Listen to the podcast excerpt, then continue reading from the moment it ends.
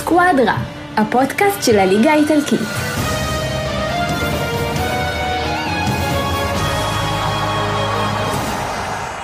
ברוכים הבאים לסקואדרה, פרק מספר 60, אחרי היעדרות לא קצרה, אמנם בעקבות החגים, והיעדרות עוד יותר ארוכה של אסי ממן. שלום, אסי. היי, שלום, מה קורה? טרבלסי? מעולה, אתה יודע, למרות החודש המטורף שהיה לנו במשחקים גדולים והכול, אבל uh, אתה היית, לקחת חלק מהעונה, מהמחזור הראשון כאחד ששידר את המשחקים, ואתה רואה את כל ההפתעות לאורך כל הדרך, אתה רואה את כל התהליך. עד כן, עכשיו, כן, זה... לאור הטבלה, אתה, אפשר להגיד שנפולי בעצם uh, היא הפתעת, ה... הפתעת העונה עד עכשיו, לא? כן, נפולי, אני לא יודע אם היא הפתעה, אבל uh, היא נראית נהדר. היא הקבוצה הטובה ביותר באיטליה, זה ברור. Uh, הקבוצה היחידה לדעתי שגם לא הפסידה משחק בליגות הגדולות באירופה. Uh, אתה רואה הרבה הפתעות בליגות הגדולות באירופה, uh, אבל בסריה דווקא נפולי שומרת על יציבות ולא מאבדת נקודות, 21 נקודות מתוך 21 אפשריות, זה משהו שהוא מאוד חריג. אחריה יש את מילאן, שאנחנו מאוד מתלהבים ממנה, ואחריה יש את אינטר, אבל הן רחוקות אה, אה, בשבע או בארבע, בשתיים ובארבע נקודות אה, פרש, אז אתה יודע, יש פה אגיד, קבוצה, יש פה אני, קבוצה. אני לא, לא אמרתי הפתעה בקטע, ל, ב, באופציה שהיא תהיה מקום ראשון, אלא בהפתעה שלדעתי, בתחילת העונה, גם האוהדים שלה לא האמינו שהם יכולים להגיע לפתיחת עונה כזו. תחשוב, מ-21 נכון. נקודות, 100 אחוזי הצלחה, מקום ראשון, נראים טוב, הכל מחובר, למרות שיש להם מאמן חדש, אותו סגל פלוס מינוס מעונה שעברה, ואנחנו זוכרים איך נגמרה, איך אה, נגמרה להם העונה, שהם פספסו את ליגת האלופות, כשזה היה הכל נתון לידיים של, ברגליים שלהם, יותר נכון. משהו מאוד אה, אה, מפתיע, גם ביחס לפתיחת עונה של יובנטוס. זאת אומרת, נכון, אם חשבנו נכון, בהתחלה אבל... שזה יהיה ראש בראש, אבל נפולי עושה פה משהו מדהים. מה, זה רק ספלטי? Uh, כן, אני חושב ש, שמי שבעיקר מוביל אותה קדימה זה אוסימן, זה הכוכב הגדול של נפולי. הוא נראה כאילו הוא משחק, הוא מעל כל הליגה במובן מסוים. Uh, והוא פשוט נראה uh, פי שניים בגודל מכל שחקן שעומד מולו, הוא הרבה יותר מהיר מכל שחקן שעומד מולו, הוא הרבה יותר אתלטי מכל שחקן שעומד מולו, יש לו טכניקה נהדרת, הוא שחקן חכם, חלוץ חכם, וזה מה שנפולי uh, הייתה צריכה, מישהו שהוביל אותה קדימה בהתקפה, וידע לסיים, וידע לכבוש, וידע לייצר את המצבים, וזה אוסימן. בעונה שעברה אוסימן לא שיחק הרבה. הוא הגיע בסכום מאוד גבוה, היה פצוע המון פעמים, אה, פעם חזר, פעם הלך. לא, לא הייתה לו איזושהי יציבות. אגב, גם כשהוא היה פצוע, עדיין הוא כבש עשרה שערים כשהוא פתח בהרכב בכלל רק איזה 16 פעמים אה, בסריה. והנה בעונה הזאת, שישה משחקים וארבעה שערים אה, זה יפה מאוד, אבל אני חושב שהוא מביא איזשהו ערך מוסף לנפולי, ואם דיברת על ספלטי, על המאמן שנמצא על הקווים, תשמע, גם זה סיפור. ספלטי, כולם קטלו אותו, כי הוא היה הרבה שנים ברומא ובאינטר, בקבוצות שלא התרוממו יותר מדי, למרות שהם היו בצמרת, אבל ההישג הכי גדול שלו אה, אה, באותם זמנים היה להביא בכלל את אודינזה לליגת האלופות לפני איזה 15 שנה בערך, ופתאום הוא מגיע לנפולי, קבוצה שיש לה קצת יותר, יותר אה, שאיפות וציפיות. נפולי תמיד בשנים האחרונות הרי רוצה להיאבק על האליפות, והכל נראה טוב, הכל מתחבר. אני לא יודע אם זה מזל או, או משהו אחר, אבל יש לספלטי את אוסימן, שבאמת מוביל אותו קדימה, יש לו קבוצה חזקה, הוא קיבל קבוצה חזקה, נפולי, אנחנו יודעים, בשנים האחרונות הסגל שלה לא משתנה הרבה, ואוסימן זה תוספת כוח משמעותית, וספלטי מוציא ממנו את המיטב עד עכשיו. אבל אפשר להגיד שאתה יודע, אם חשבנו שזה פתיחת עונה טובה, אבל לא עם משחקים קשים, נפולי עושה את זה גם במשחקים קשים. מחזור האחרון היא מנצחת את פיורנטינה, שפיורנטינה עונה גם אה, בפתיחת עונה מעולה. ניצחה את יובנטוס, שזה, אתה יודע, אחד מה... האתגרים הכי גדולים שיש להם והיריבות הכי גדולה, וכולם זוכרים איך זה תמיד נגמר בין הציפיות, והם עשו את זה. הם הצליחו לעשות ניצ... ניצחונות כאילו גדולים. נכון שאנחנו רק מחזור שביעי, אבל אתה, אתה רואה איך הכל מתפתח מבחינתם, ואין להם את הקשיים שיש לקבוצות אחרות שנדבר עליהם אחר כך.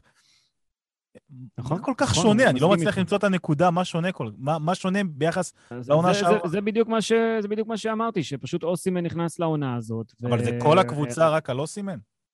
לא, הקבוצה קיימת, זו, זו אותה קבוצה פחות או יותר, שוב, זה אותו הסגל פחות או יותר. אה, תוריד חיזוק של שחקן או שניים. אה, נפולי נראית אה, אותו דבר, יש לה הגנה מאוד חזקה, זה אנחנו יודעים מהשנים האחרונות. יש לה קישור איכותי מאוד שיודע לייצר את המצבים. גם התקפה טובה, כן? יש לסביבו, סביב אוסימן, הרבה מאוד שחקנים איכותיים וטובים.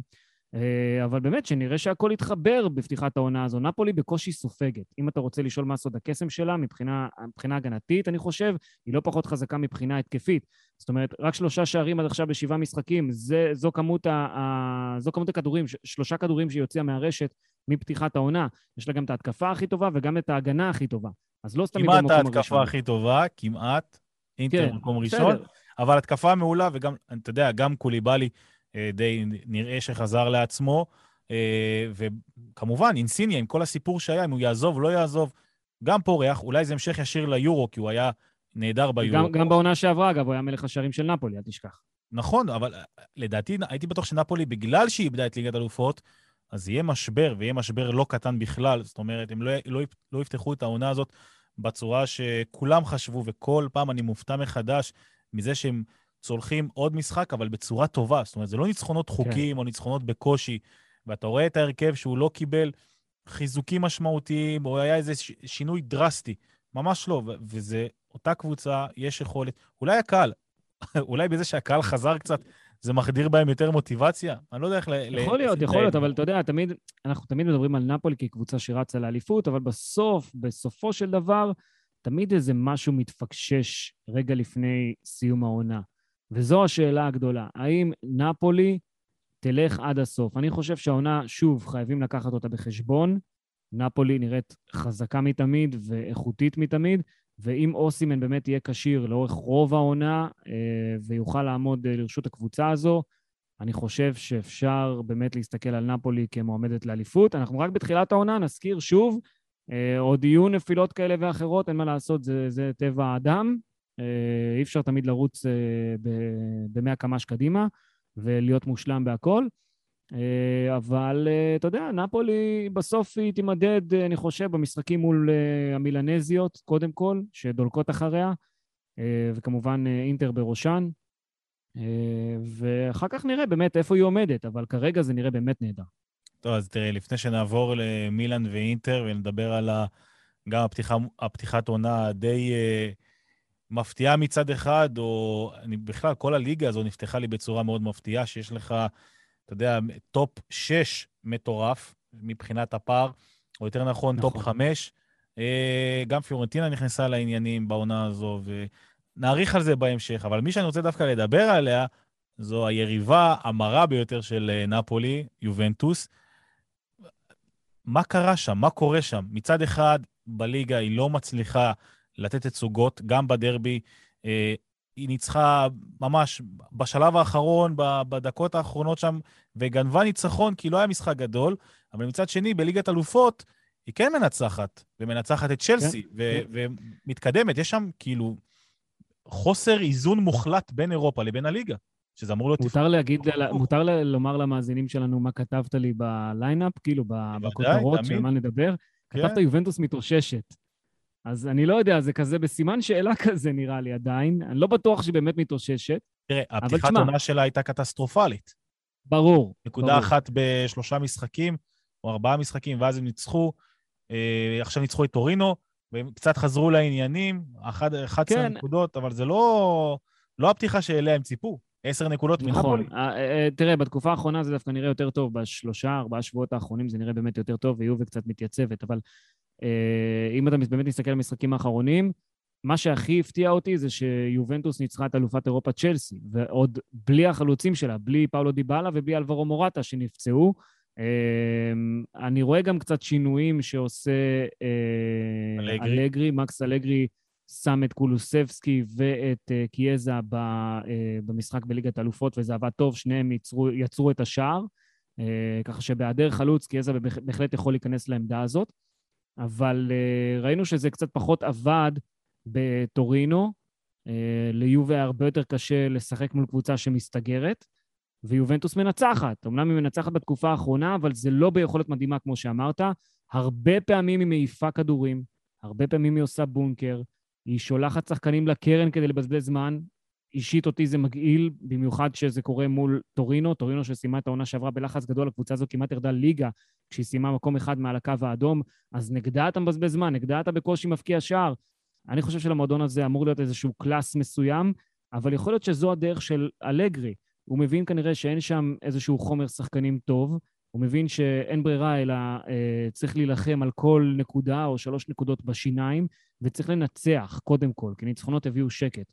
ראינו כמה חוסר שקט היה ביובנטוס כשהיא פתחה את העונה הזו, ויובה הייתה בתחתית גם, אחרי כמה מחזורים, דיברת על uh, כמות הנקודות שהיא, שהיא צברה, ושם זה לא המקום שלה. אז יובנטוס, מה שהיא עושה עכשיו, קודם כל, להתאושש, לנסות לייצב את השורות, להביא את הניצחונות, גם אם זה בשיניים, גם אם זה לשחק מכוער ומגעיל במרכאות, ולאט לאט אולי באמת תצליח להיכנס לעניינים, אבל אם אתה מסתכל על חומר השחקנים, זו לא אותה יובנטוס האימתנית שאנחנו מכירים.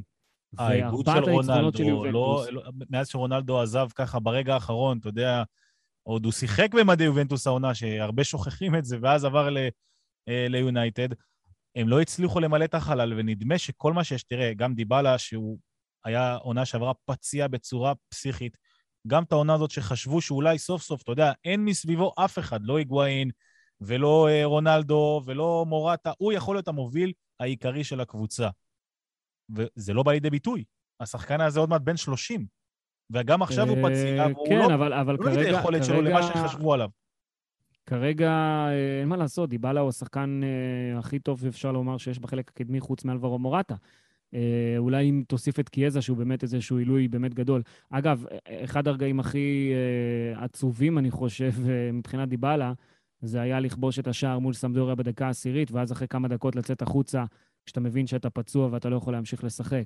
אה, אז באמת, העניין של הפציעות זה גם משהו שיכול לשחק פה אה, לרעת יובנטוס. היא חייבת לשמור על הסגל שלה אה, כמה שיותר בריא וכשיר, ואין, אי אפשר לשחק עם זה יותר מדי. ראינו גם באותו משחק נגד סמדוריה את אלברו מורטה, תופס את שיר הערך האחורי. לי היה נראה לרגע מסוים שזה סוג של התכווצות, אבל מסתבר שזה משהו קצת יותר רציני.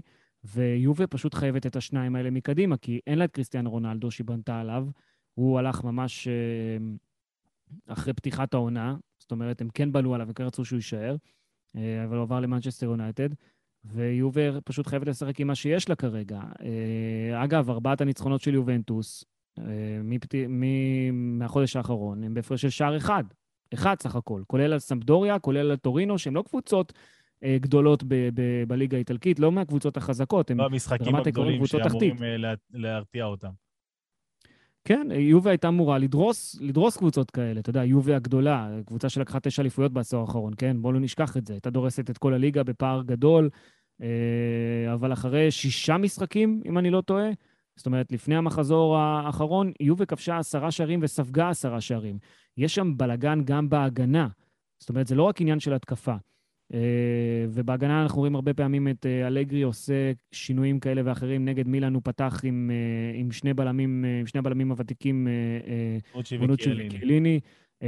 עכשיו הוא הכניס קצת... דווקא ביורו הם הוכיחו שהם עדיין יכולים כן? להיות ברמות הגבוהות, אבל משהו שם...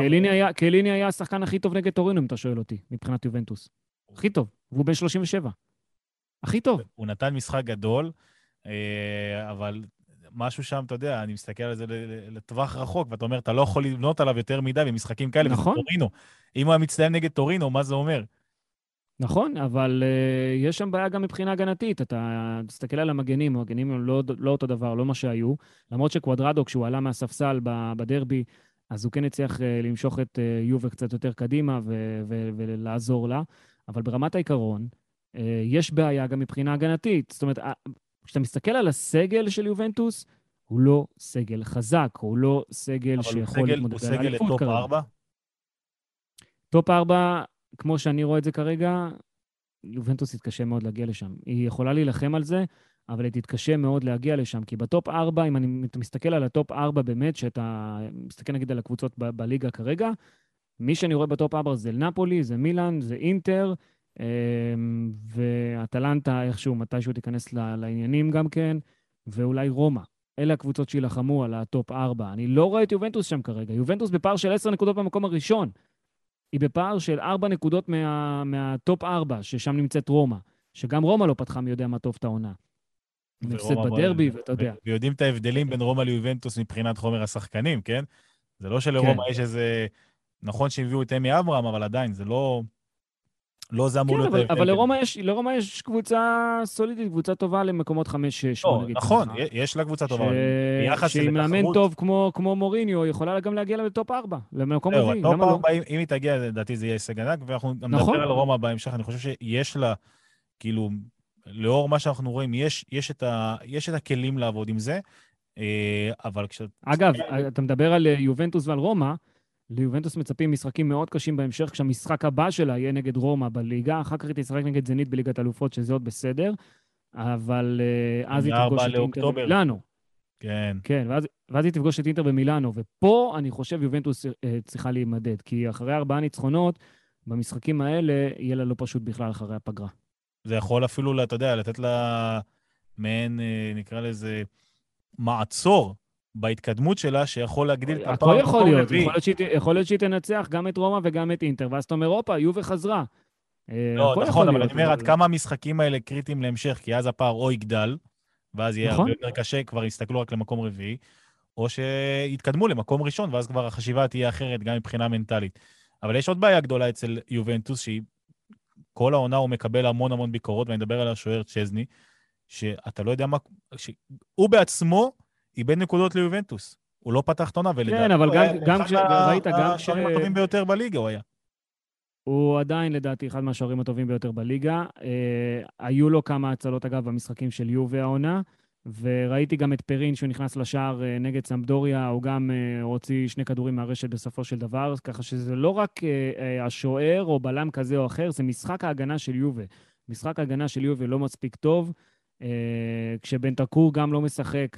וזה קורה לא פעם, אז uh, אתה רואה שחסר מישהו באמצע שיחלץ את הכדורים וימנע מקשרים uh, להתקדם לעבר ה- ה- הרחבה ולעבר השער של יובנטוס, מה שסמדוריה הצליחה לעשות, אגב, uh, עם קנדרבה לא פעם, שהוא פרץ דרך האמצע, ואומנם עמדו מולו שחקנים שניסו לעצור אותו, אבל לפעמים אתה רואה שאם בנטנקור עסוק ב- בלטפל באיזשהו אירוע אחר, אין עוד מישהו אחר ש- שיכול לבוא ולסגור. וזו בעיה. ל- ליובנטוס אין את, החומר, את חומר השחקנים שיכול להוביל אותה, לדעתי, למאבק על אליפות. לא כרגע, לפי איך שזה נראה. ויובנטוס, כמו שאנחנו רואים, שוב, היא מחלצת את הניצחונות שלה בשער בודד, בכדורגל מכוער במרכאות. וזהו, זה לא נראה טוב, זה לא נראה טוב. עד, עד כמה הם תלו תקוות בלוקטלי כשהוא הגיע, אתה יודע, למרכז השדה, כמה? כמושיע? אין להם קשר מוביל היום ברמה גבוהה שיכול, אתה יודע, לקחת את הקבוצה על הכתפיים. אין את זה, אין את הברומטר הזה. נכון, לוקטלי עדיין הוא לא השחקן הזה. אה, לוקטלי מאוד רך לפעמים, ולוקטלי לא, לא מספיק יוזם ומנהיג ולוקח את הכדורים ו- ו- ויוצא קדימה. לדעתי לוקטלי, התפקיד שלו צריך להיות קשר 50-50 כזה, לקחת את הכדורים מההגנה, להוביל אותם להתקפה, קוסט טו קוסט כזה, אתה יודע, מרחבה לרחבה. וכרגע הוא עדיין לא שם, הוא עדיין לא התחבר, הוא נראה לפעמים גם במשחקים מסוימים קצת מבוהל או נעלם, אה, וזה משהו שיובה אה, צריכה לחשוב אה, מה עושים איתו, כי לוקטלי זה שחקן שהכל יכול לעבור דרכו, ואם הכל יעבור דרכו והוא ישחק טוב, אז גם הקבוצה תיראה טוב. לאחרונה גם רביו קצת משחק ביחד איתו, ורביו לוקח יותר עליו. אה, אבל רביו זה לא לוקטלי, רביו גם בורח הרבה פעמים לאגפים כדי אה, לקחת את הכדור ו- ולנסות לחלץ אותו, וזה מראה עד כמה יובנטוס לא מסודרת, אם באמת הוא צריך לעשות את זה. אם אתה מדבר אה, על המשחק נגד אינטר בתום הפגרה, כן. או כאילו לא בתום הפגרה, אלא בסוף, לקראת סוף החודש, ב-24 באוקטובר, אחרי שמגיעים לרומא, בצמד משחקים האלה, אתה, ממה שאתה רואה, זה יכול להיות איזה, לא יודע, משהו שאלגרי יכול לשלוף ככה מהכובע, או שזה משחק, אתה יודע, שהמזל איתך? קודם כל, קודם כל כן. נגד רומא אה, עוד אפשר לעשות משהו. נגד אינטר, אני לא יודע. אה, מדברים על אינטר החדשה, אבל היא לא כזאת חדשה, אינטר. זו עדיין אותה קבוצה חזקה, אה, עם חוליית הגנה פנטסטית וקשרים אה, אדירים.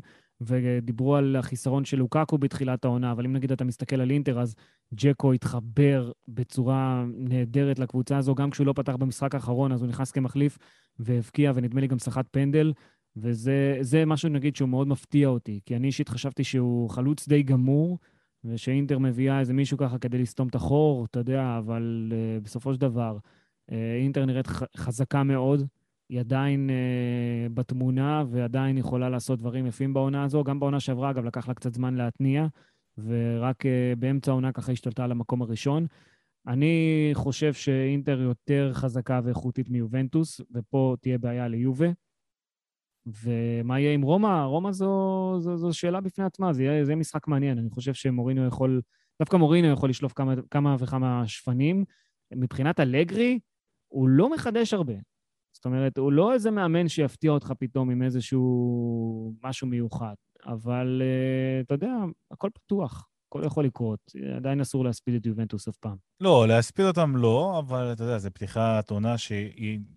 אם, אם, לפי דעתי, אם הקצב הזה ימשיך, הם צריכים לקחת את העונות כבנייה, ולא אה, כמשהו, אתה יודע, שיגידו, אנחנו חייבים לקחת את האליפות, אלא כבנייה ולבנות אותה מינואר, לא לחכות עם הדברים האלה, כמו שנתנו את הבמה לפירלו ובעצם אה, עשו איתו ניסוי כלים. זה צריך לבוא ולדעת מה אתה מביא ולמי אתה מביא. כן, אבל זה בעיה, זה בעיה לבנות קבוצה אה, כשאתה, כשהשם שלך זה יובנטוס. כי עשית, בעונה שעברה איבדת אליפות. אבל אתה לא, צריך... בעונה שעברה, בעונה שעברה איבדת, איבדת את האליפות, אוקיי? גם העונה, יש סיכוי אה, לא קטן שתאבד עוד אליפות. זאת אומרת, שנתיים יובנטוס תהיה בלי אליפות. זו מכה מאוד גדולה למועדון הזה, שהיה אימפריה ב- בעשור האחרון, ואתה יודע, הוא רוצה, הוא שואף תמיד לניצחונות. כרגע זה, זה, שוב, זה לא נראה טוב. אני לא יודע גם כמה כסף יש ליובנטוס כדי עכשיו ללכת אה, ולהביא שחקני רכש. זה גם, זו גם שאלה אה, מעניינת, אבל אה, יובה צריכה עכשיו להתחיל אה, לבנות. פאבל נדזה צריך להתחיל לעבוד, להביא שחקנים שמתאימים, לבנות קבוצה חדשה. הוא הביא גם כמה שחקנים צעירים כמו קיאזה וקולוסבסקי. קיאזה דווקא נראה טוב, קולוסבסקי עדיין לא, לא פורע שטרות, מה שנקרא. צריך לראות מה יהיה עם זה הלאה. גם, בר, גם ברנרדסקי, אגב, רכש שיובה הביאה. מפיורנטינה. לא, זה לא זה. לא זה, זה לא זה. זה לא זה. אין לו מספרים, זה לא זה. כן, זה בעיה. טוב, אבל אה, בוא נגיד שהפגרה אולי יכולה עוד איכשהו, אה, או להחזיר קצת פצועים, או לעשות רענון, או לנוח קצת לפני המשחקים הקשים שיש להם. אבל אה, מקודם דיברנו על אינטר, ועכשיו אני רוצה שנדבר על אינטר, ולא דווקא על מילאן, כי אינטר, שדיברנו עליה בתחילת העונה כאחת ממועמדות, ה, נקרא לזה, המובילות לאליפות, או לשמור על התואר. עשינו, עשינו על זה פרק בתחילת העונה, עד כמה אינטר כן. בשינוי דרסטי מההנהלה ועם הבעיות הכלכליות ועיבוד שני שחקנים בכירים ברמה עולמית. תראה איפה כל אחד הגיע, ולוקקו בצ'לסי, אתה יודע, מתחבר יופי, וחכימי באחת מהקבוצות המפוארות בתבל מבחינת אה, איכות השחקנים. ואינטר אה, עשתה, אתה יודע, הביאה מה שהיא יכולה בכסף המצומצם שיש לה, שלדעתי יש שחקנים שאפשר להגיד עליהם בינגו, ודיברת מקודם על ג'קו.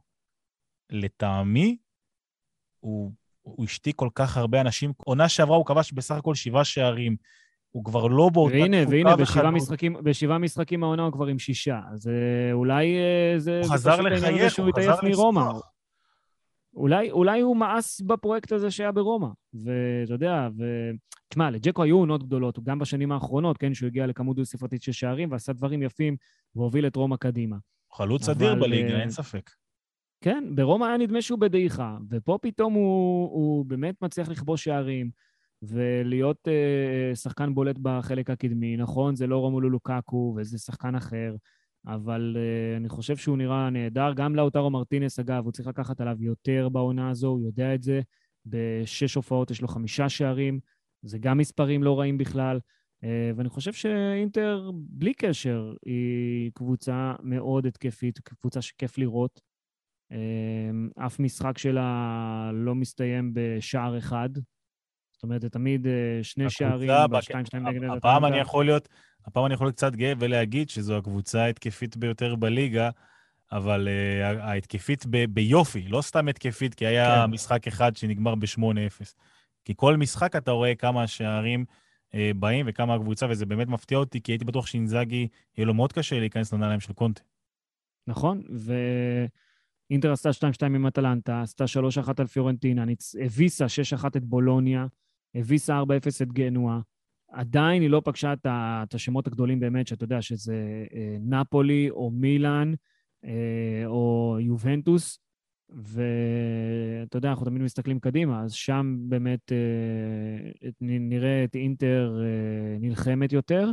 והשאלה, אם באמת המשחקים הנהדרים שלה יימשכו, היכולת הנהדרת שלה תימשך גם מול היריבות האלה. אם כן, אז שוב אינטר תהיה מועמדת ברורה לאליפות. למרות כל השינויים, למרות כל מה שהיא עשתה. אמרת, ההתקפה הכי טובה בליגה, 22 שערים בשבעה משחקים, זו כמות uh, יפה מאוד, אני חושב. וזה גם מביא איזשהו כוח הרתעה מסוים, כי כל קבוצה שעכשיו תבוא לשחק נגד אינטר, יודעת שהיא יכולה לספוג, ולספוג לא מעט שערים. אף אחת, אף קבוצה לא עצרה את אינטר על האפס עדיין מפתיחת העונה, או אפילו על שער אחד. וזה אומר הכל, אה, קבוצות ירדו, ירדו מאינטר. שאלה אבל, אם אה, אחרי העיבוד של לוקקו, וג'קו שעושה פתיחת עונה נהדרת, עד כמה אפשר להסתמך על זה לאורך זמן, כי לאוטרו והוא, הם המובילים. נכון שהגיע קוריאה, ואתה אומר, אוקיי, הוא גם הגיע בהרבה כסף יחסית, כמישהו שאמור להיכנס אה, להתקפה ו- ו- ולהוביל אותה, והוא גם כבש במשחק הבכורה שלו והביא ניצחון, שאני חושב שזו פתיחה טובה, אבל שוב, הדברים לא עובדים כל כך חלק בעניין הזה. אני לא יודע אם זה התלהבות ראשונית או משהו שהוא חיבור ראשוני, כי כשאתה מסתכל על זה שיש לך עוד 31 מחזורים, יהיה קשה לרוץ עם אותו הרכב, כשיש לך חלוץ עוד מעט שחוגג 36 כחלוץ פותח. וגם כן. יש לך את ליגת אלופות עליו. אל תשכח אבל ש... שוב, אתה דיברת על שחקני התקפה קצת והכול, יש לך גם את אלכסיס סנצ'ס, שהוא היה לא רק שהוא uh, עלה בעונה שעברה להשלים uh, את uh, לאוטרו מרטינס, או להשלים את לוקקו כשהם היו פצועים או עייפים, והוא עשה עבודה נהדרת, אה, אחד מהשחקנים הכי, שהכי בלטו בסיום העונה שעברה.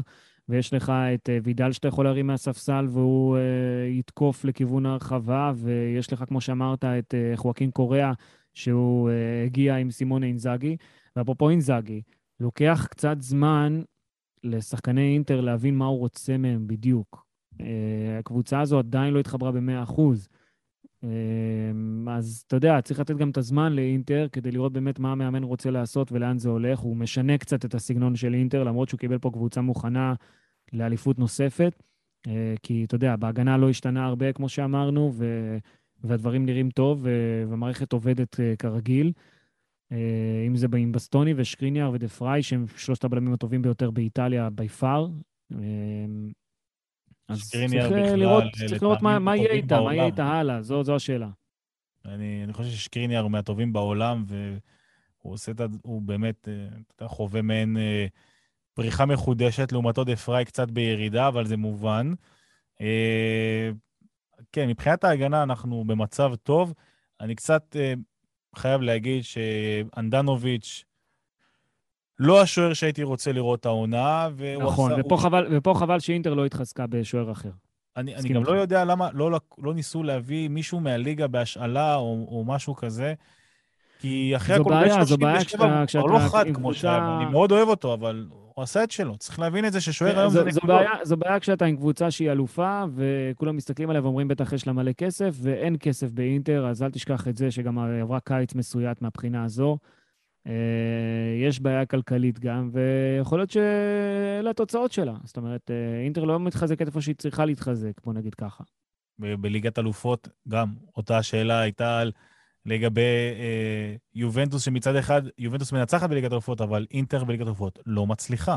והיא משחקת טוב, אבל היא לא מצליחה. כן. אה, אם אתה רוצה לפתוח את כל העניין הזה באמת של אה, ליגת אלופות, אז... אה, תשמע, אה, אולי זה עניין של... אמרת, יובנטוס... או קונטה. יובנטוס מנצחת באלופות, וגם אטלנטה אה, ביכולת לא רעה, אבל אינטר ומילאן ככה עדיין בלי ניצחון. כל האיטלקיות עם בתים קשים. לכן אני חושב שזה, שזה לא אומר כלום. זאת אומרת, כל התוצאות שיש עכשיו. לאטלנטה יש את ויה ריאל ויונייטד שהן מדהימות, וראינו את המשחק האחרון ביניהן, באמת ביכולת מאוד מאוד גבוהה עם הספרדים וה, והאנגלים. אה, למילאן אה, יש את פורטו ו- וליברפול ואתלטיקו, אם אני לא טועה, שזה גם כן בית קשה. לאינטר יש את ריאל מדריד ושכתר ו- ושריף טירספול, ויובה בבית קצת יותר קל מהם. אז אם אתה נגיד חוזר שוב לשאלה, אם אתה, כן, אם אתה. חוזר שלו לשאלה, אני חושב שליובנטוס יש בית קצת יותר קל מאינטר. אז שוב, אי אפשר, אה, אי אפשר להתייחס באמת, להגיד אה, זאתי טובה וזאתי לא. צריך להתייחס גם ליריבות שעומדות מולן.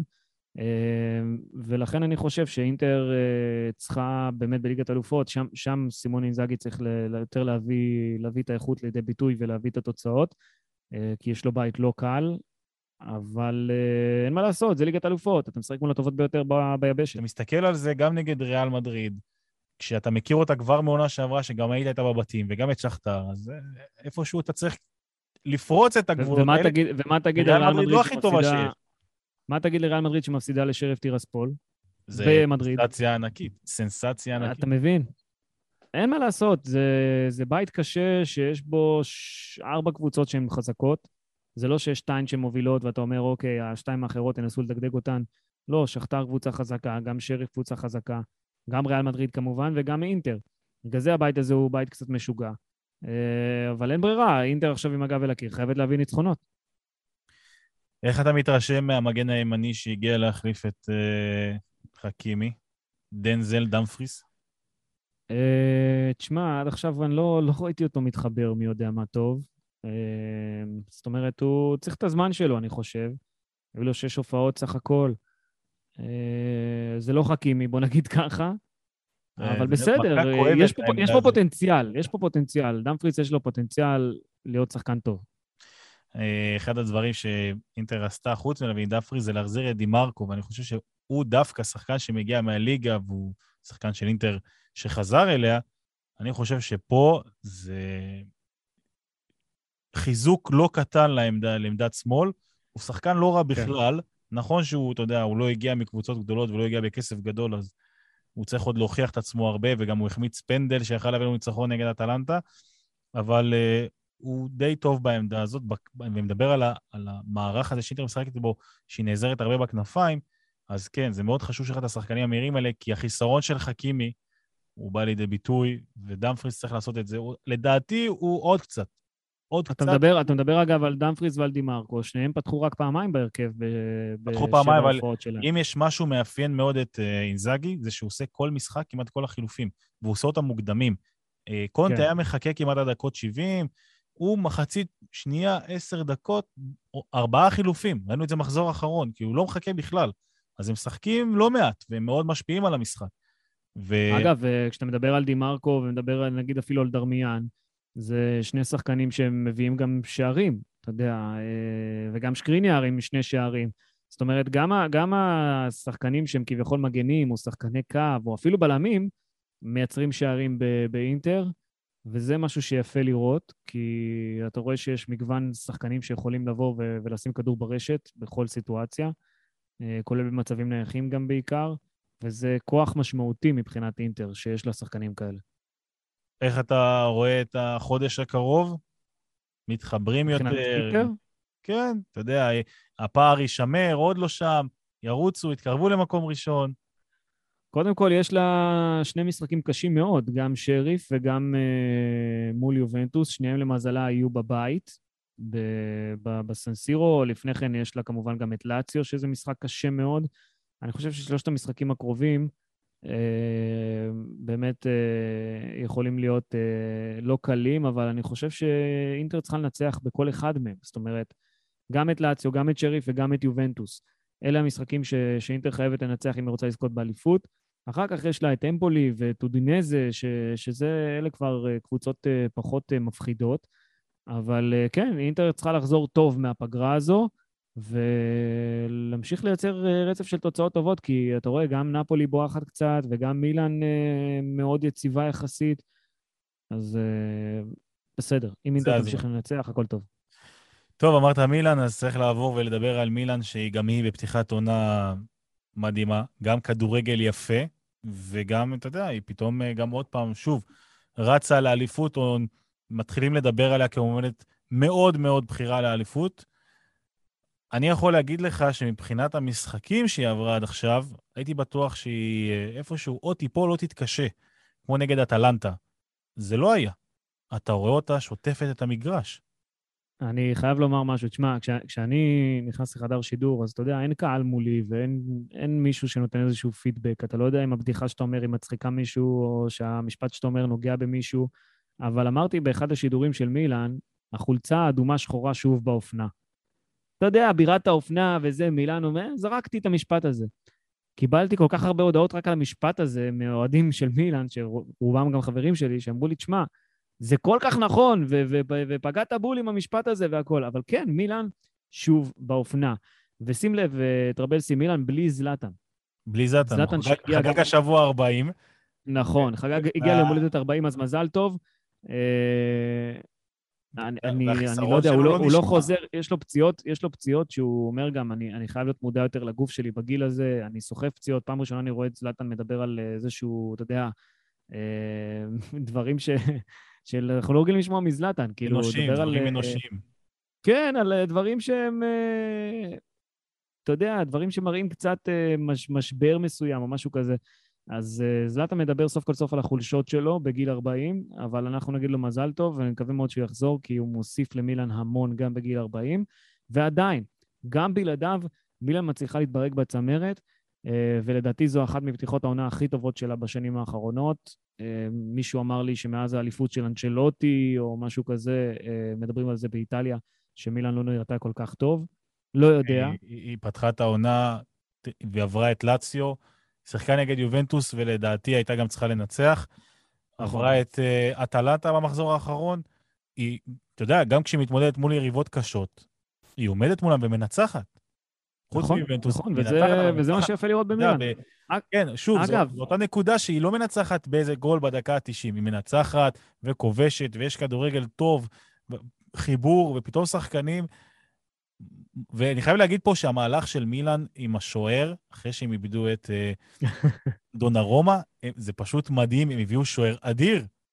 נכון, מילאן באמת uh, עשתה, עשתה רכש מדהים לחוליה האחורית שלה ולשער כמובן, שוער שהוא באמת פנטסטי, שהגיע מצרפת ובאמת עושה דברים יפים, אבל אם אתה מדבר על חיזוקים או על שינויים, נגיד, ואתה מנסה להשוות את מילאן ליתר הקבוצות שנמצאות ב- באיטליה, אז אם אתה מסתכל על הצמרת, נניח, הצמרת החליפה מלא מאמנים. רוב קבוצות הליגה החליפו מאמן בקיץ האחרון, ובצמרת זה חמש מתוך שבע הקבוצות שסיימו, שבע מוליכות, אוקיי?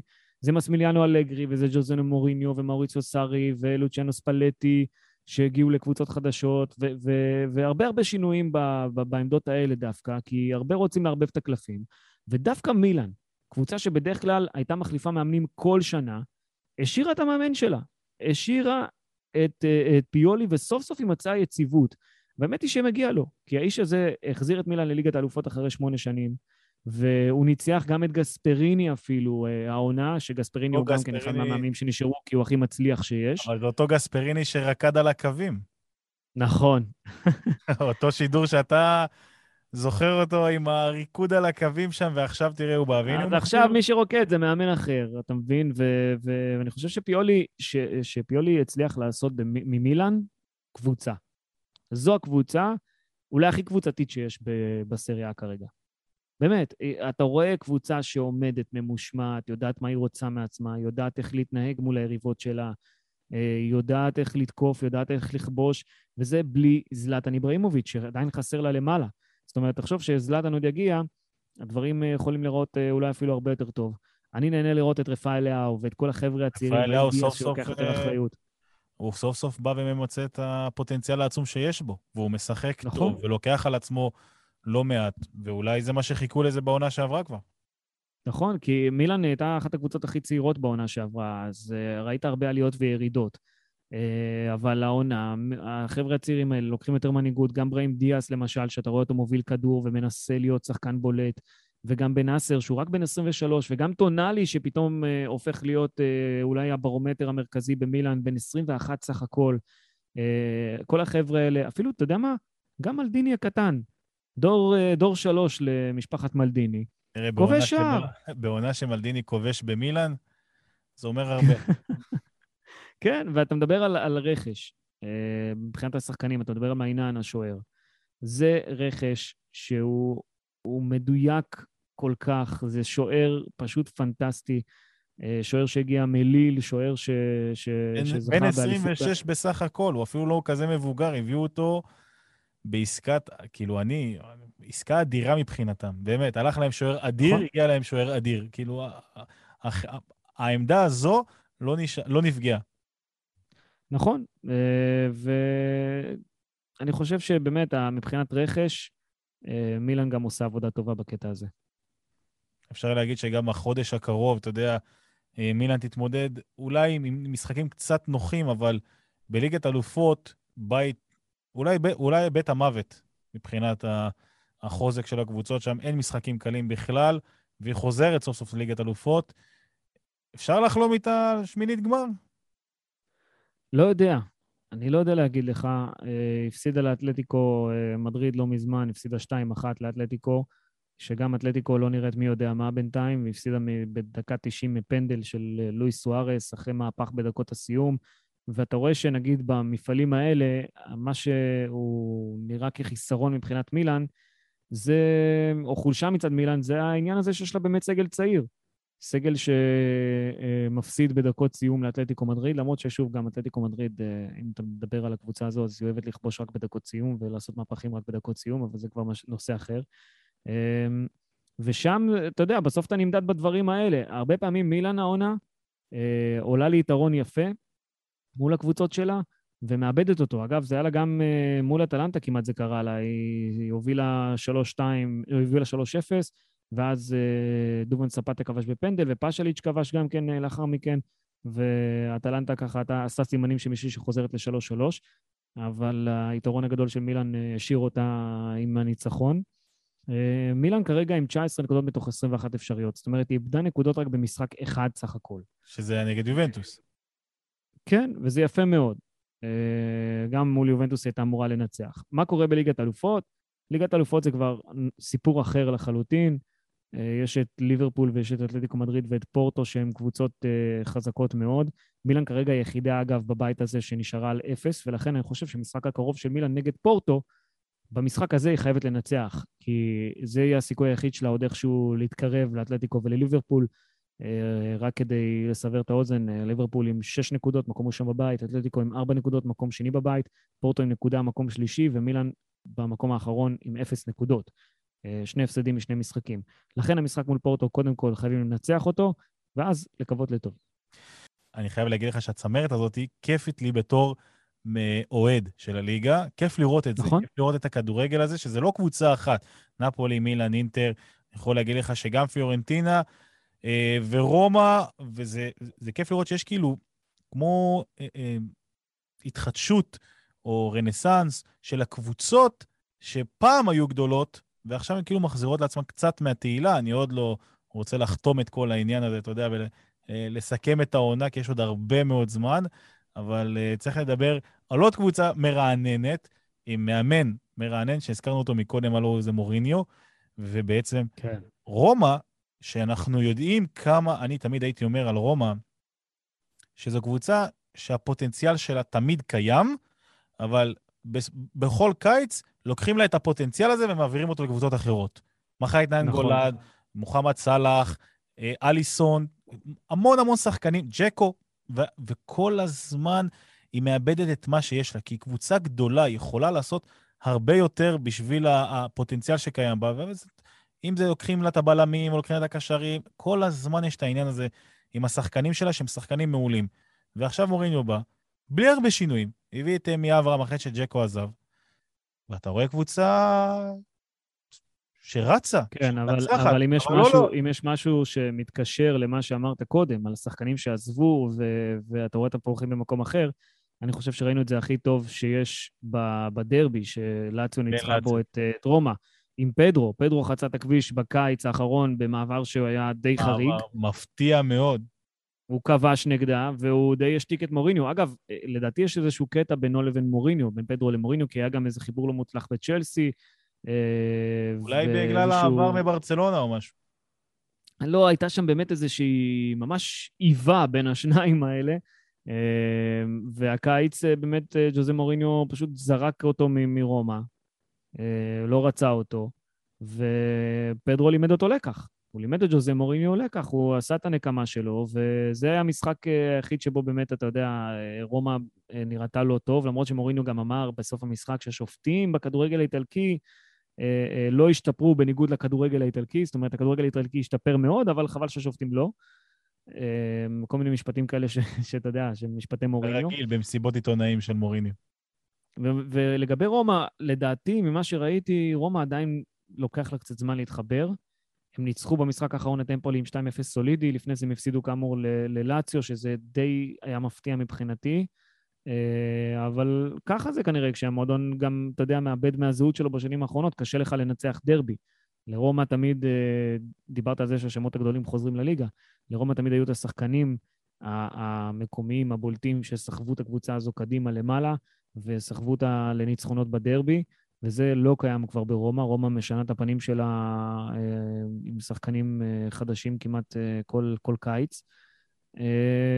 אז כן, מוריניו יכול לחלום עדיין, רומא עדיין למעלה ובמקום סביר יחסית, אבל הוא גם יצטרך להוכיח את עצמו ולנסות באמת להביא אותה לטופ 4, זו המשימה שלו בעונה הזו, לדעתי. אני כן חושב שהוא יתחבר לרומא כמאמן, ואתה יודע, יתחבר לקבוצה ולעיר, ו...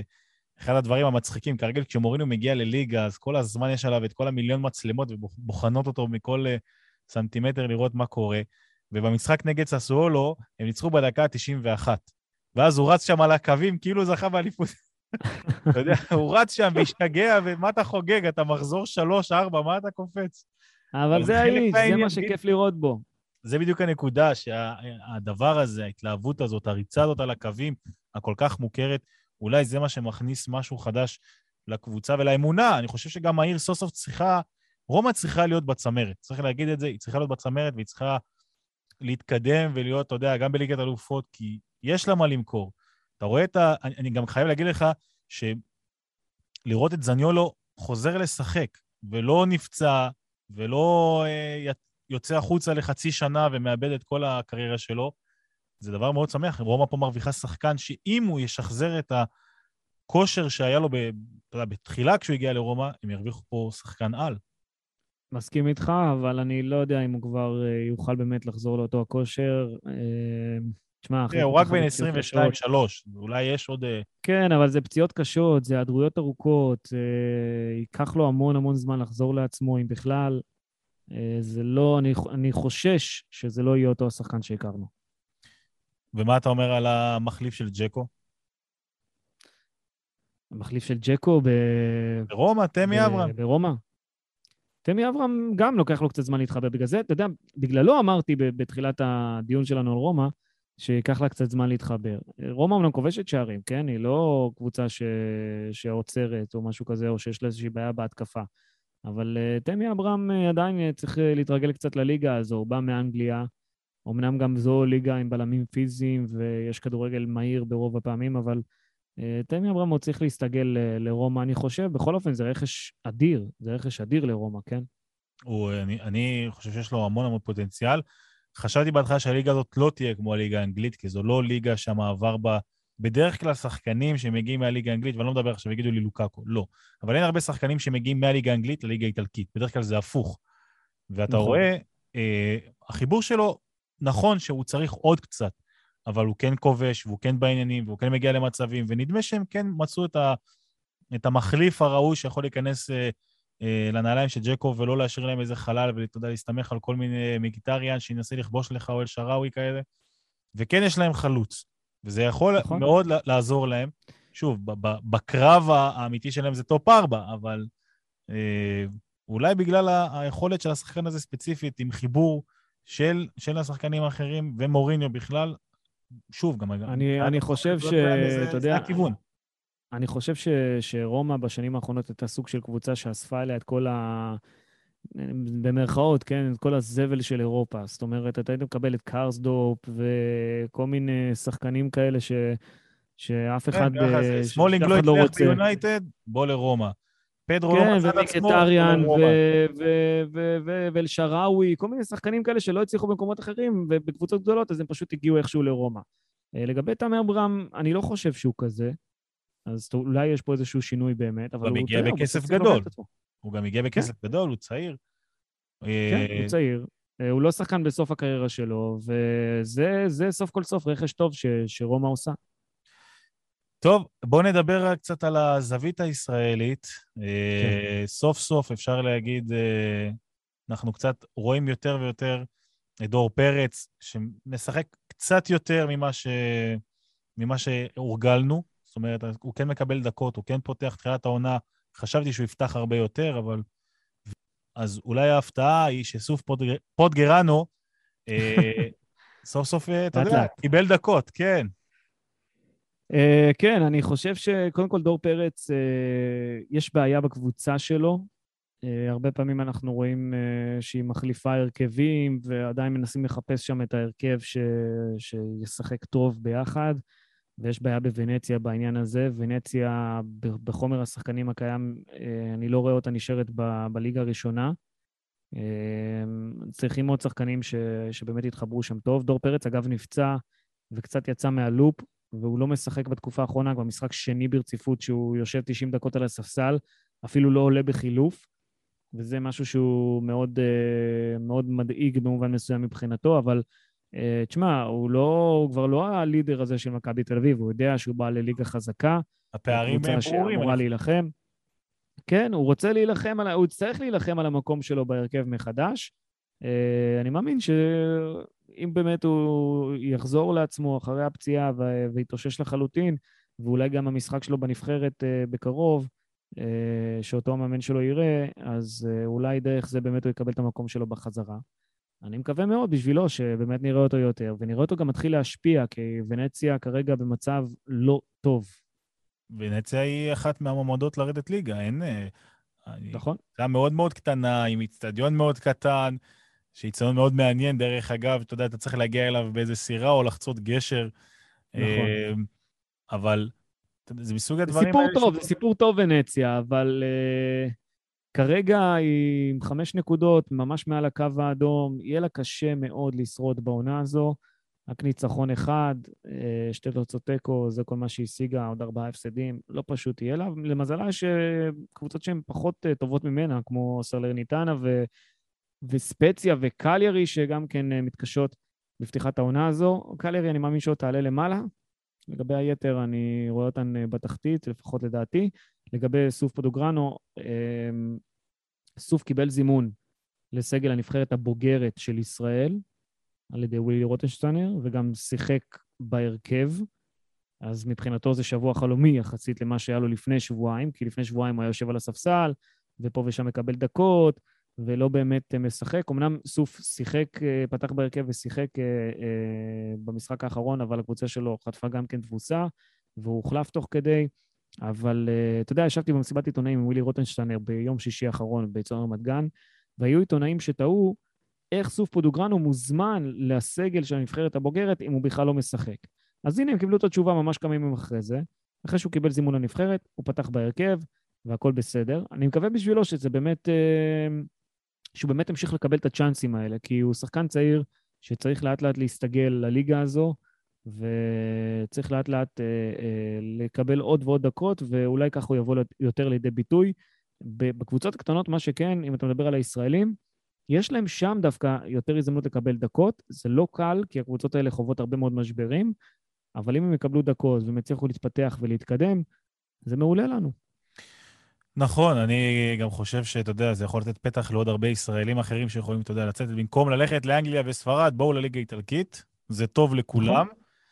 אה, ואני אישית, בגלל שסוף מגיע ממכבי חיפה, אז אני אאחל לו הצלחה אדירה. וגם לדור פרץ, כי אולי הוא יעשה כבוד לישראלים באירופה. בוא'נה, הם משחקים, הם משחקים נגד הקבוצות הטובות ביותר באיטליה, באירופה, תשמע. נכון. תשמע, אני בטוח שכשאתה פוגש פעם ראשונה אה, קבוצה כמו יובנטוס, או אינטר או מילאן, ואתה רואה את השחקנים האלה שעכשיו, עכשיו היו בגמר היורו, עכשיו הם זכו ביורו, זה, זה, זה, זה לא פשוט, זה מעמד אחר לגמרי. לשחק, לשחק בסנסירו, איזה התרגשות זאת, זה מטורף. לא. אולי ייקחו uh, טיפים ממנור סולומון. אולי, אולי. מקווה שהם יהיו כמו מנור סולומון, יתקדמו ויתפתחו, ובאמת יצליחו באירופה. אני חושב שמנור, uh, עתידו מזהיר ביותר, ואני חושב שגם הליגה האיטלקית שמה עליו עין לא מעט. הוא מוכר מאוד לאוהדים האיטלקים, אם זה אטלנטה, אם זה אינטר, הוא מוכר.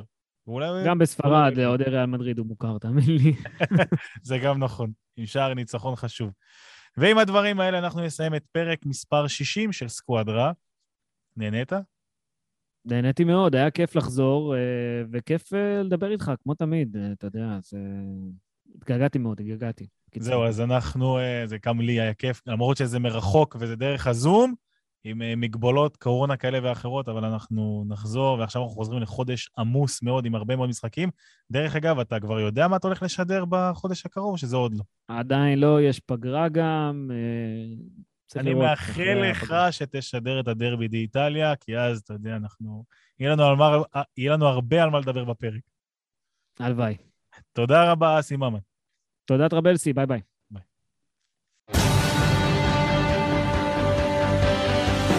סקואדרה, הפודקאסט של הליגה האיטלקית.